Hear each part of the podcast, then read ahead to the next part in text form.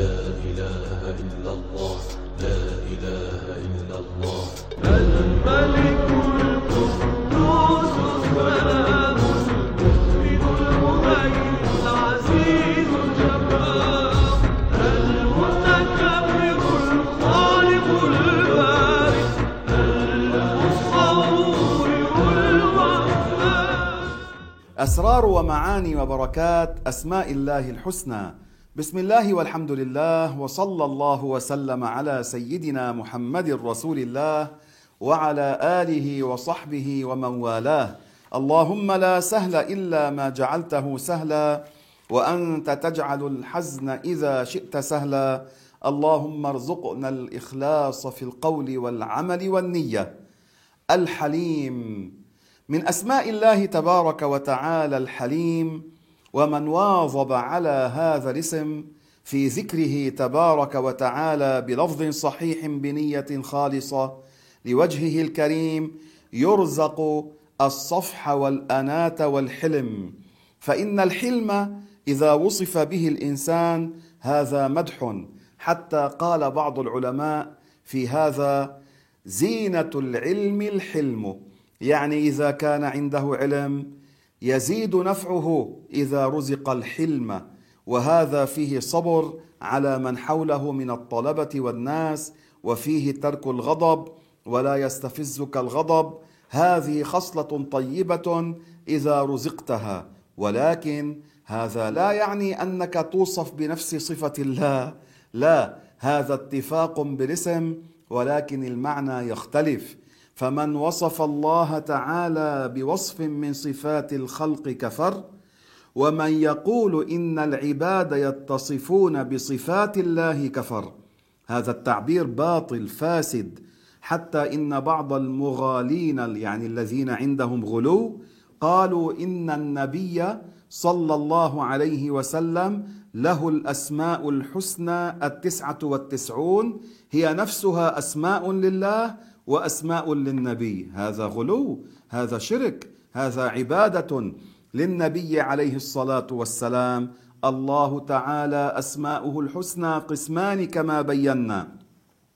قسم يسمى به غير الله يعني يجوز أن يطلق على غير الله ولكن المعنى يختلف. وقسم لا يسمى به إلا الله. هذا الاسم الحليم يجوز وصف غير الله به لكن المعنى يختلف. فصفات الله أزلية أبدية. الله الحليم وهو ذو الصفح والأناة. الله تعالى يمهل ولا يهمل. هذه عبارة تنتشر على ألسنة بعض الناس من العبارات الصحيحة. في عبارات بتنتشر صحيحة وفي عبارات بتنتشر من كلام الناس فاسدة. أنت لا تردد ولا تقل كل ما تسمع. زن هذا الكلام بميزان الشرع. الله تعالى لا يستفزه غضب ولا عصيان العصاة. نحن نستفز نحن منفور ويغلو الدم عند الغضب. وأما رضا الله وغضب الله ليسا بانفعال ولا تأثر نفساني ولا تغير. فقال الله تعالى وإن الله لعليم حليم. فالله يغفر الزلل. يعني مهما كثر ذنب العبد الله يغفره إلا أن يشرك به. يعني من مات على الشرك فلا يغفر له ولا يرحم لا في القبر ولا في الآخرة. وأما ما دون الكفر من المعاصي فهذا من مات عليه فهو تحت مشيئة الله. قد يغفر لهذا الإنسان ولو جاء بمثل الأرض خطايا ما دون الكفر هذا لا بد أن يرحمه الله تبارك وتعالى ولو عذب مدة في نار جهنم. والله لا يعجل للمذنب الانتقام إلا بما ورد في الشرع. يعني بعض المعاصي أخبر الرسول عليه الصلاة والسلام أن الله يعجل على صاحبها العقاب في الدنيا لكن أغلب المعاصي وأغلب الظالمين يترك عذابهم إلى يوم القيامة. قال رسول الله صلى الله عليه وسلم ما من ذنب أجدر أن يعجل الله لصاحبه العقوبة في الدنيا مع ما يدخر له في الآخرة من البغي وقطيعة الرحم. الله أكبر. هاتان المعصيتان يعجل على صاحبها العقاب في الدنيا. قطيعة الرحم أن لا يصل رحمه يقطع بلا عذر. والرحم كل من كان من جهة أبيك وأمك من أقربائك. هذا قطعه بلا عذر حرام من الكبائر. ووصله فرض لله تبارك وتعالى. وأما البغي يراد به الظلم نوع من أنواع الظلم فهذا يعجل على صاحبه العقاب في هذه الدنيا. فالحلم إذا أطلق على الله لا يكون بمعنى الانفعالات يعني غير ما يطلق على المخلوق. نحن بالنسبة لنا في عنا تأني وتسرع ونحو ذلك هذا في المخلوق. من خصال النبي مثلا عليه الصلاة والسلام أنه كان يتأنى وكان عنده الحلم ولا يستفزه الجهال. إذا جهل عليه لا يستفز كان عنده حلم يسبق حلمه غضبه صلى الله عليه وسلم. كان مما يوصي به ما قالته السيدة عائشة رضي الله عنها ما خير رسول الله صلى الله عليه وسلم بين أمرين إلا أخذ أيسرهما ما لم يكن إثما يعني إلا أن يكون حراما. فإن كان إثما يعني إن كان الشيء الذي خير بين هذا وهذا واحد منهم كان حراما.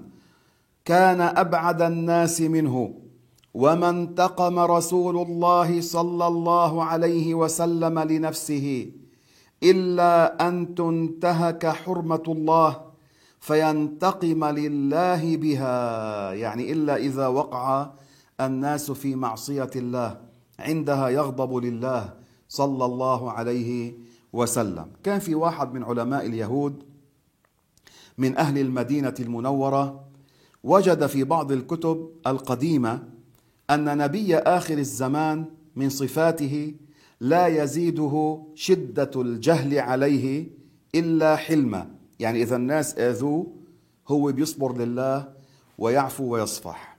فأراد هذا العالم الحبر اليهودي واسمه كان زيد بن سعية. أراد أن يمتحن الرسول عليه الصلاة والسلام يعني حتى يرى هل هذا الوصف في محمد كما وجد في الكتب القديمة عن نبي آخر الزمان هل ينطبق على محمد صلى الله عليه وسلم؟ فماذا فعل؟ عامل الرسول عليه الصلاة والسلام بدين مؤجل يعني حط أجل معلوم حددوا وقت. ثم قبل أن يحل الأجل بثلاثة أيام جاء هذا زيد بن سعيه إلى النبي صلى الله عليه وسلم. صار يطالب للرسول بهذا الدين. فالنبي كان يسمع لهذا الرجل. ماذا فعل هذا الرجل؟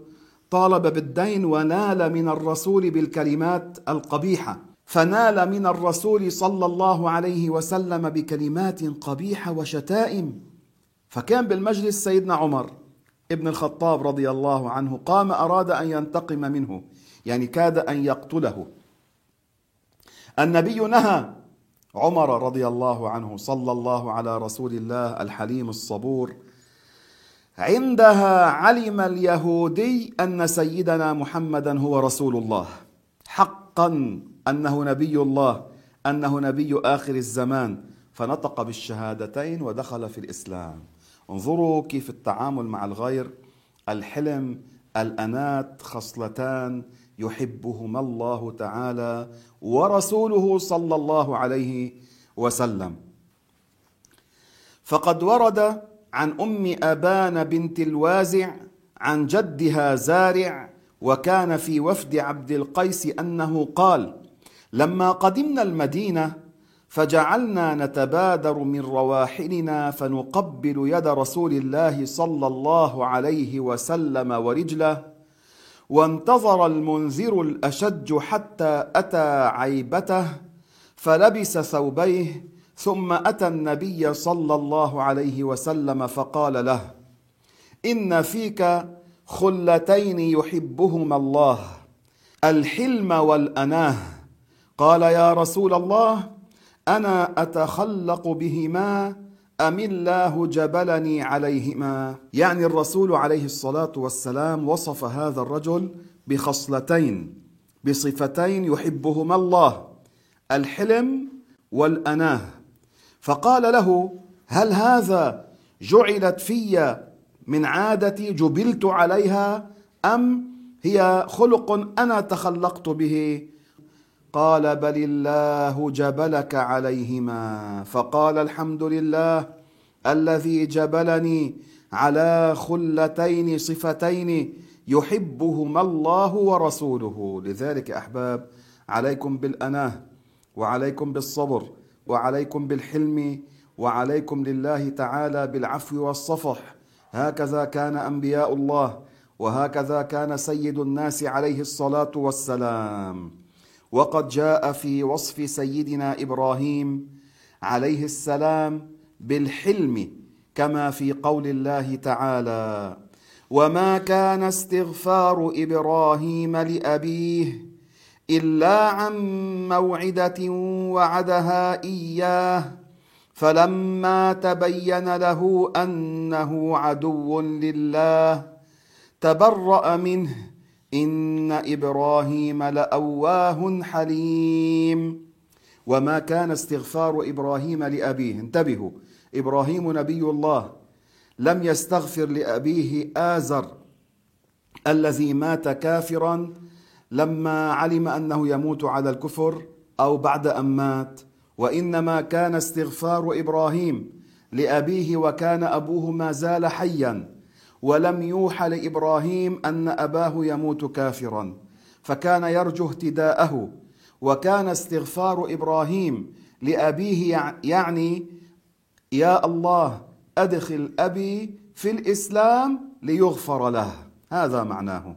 ثم لما تبين أنه عدو لله يموت على ذلك تبرأ منه وما عاد يستغفر له. وإن إبراهيم وصف بهذا لأواه حليم. انتبهوا ليس معنى أواه. أن إبراهيم يقول آه آه آه في ذكر الله. هذا باطل. وإنما معناه كان كثير الخشوع والبكاء خشية من الله عز وجل. ووصف الله سيدنا إسماعيل عليه السلام بقوله تعالى فبشرناه بغلام حليم. إبراهيم عليه السلام بشر بإسماعيل. إبراهيم الأب وصف بأنه حليم وإسماعيل وصف بأنه حليم وكان عنده صبر وانقادا لأمر الله تبارك وتعالى. وفي الختام أذكر فائدة ورد عن سيدنا علي رضي الله عنه وأرضاه أنه قال لقنني رسول الله صلى الله عليه وسلم هؤلاء الكلمات وأمرني إن نزل بي كرب أو شدة أن أقولهن يعني من بركات هذا الورد لرفع البلاء والشدة. لا إله إلا الله الكريم الحليم وسبحانه وتبارك رب العرش العظيم. والحمد لله رب العالمين. أعيد للبركة. لا إله إلا الله الكريم الحليم. وسبحانه وتبارك رب العرش العظيم. والحمد لله رب العالمين. اللهم يا حليم يا عليم يا كريم يا عظيم يا رب العالمين حسن أخلاقنا وارزقنا الصبر والعفو والاناه يا الله يا الله. وآخر دعوانا أن الحمد لله رب العالمين. لا إله إلا الله لا إله إلا الله. الملك القدوس السلام.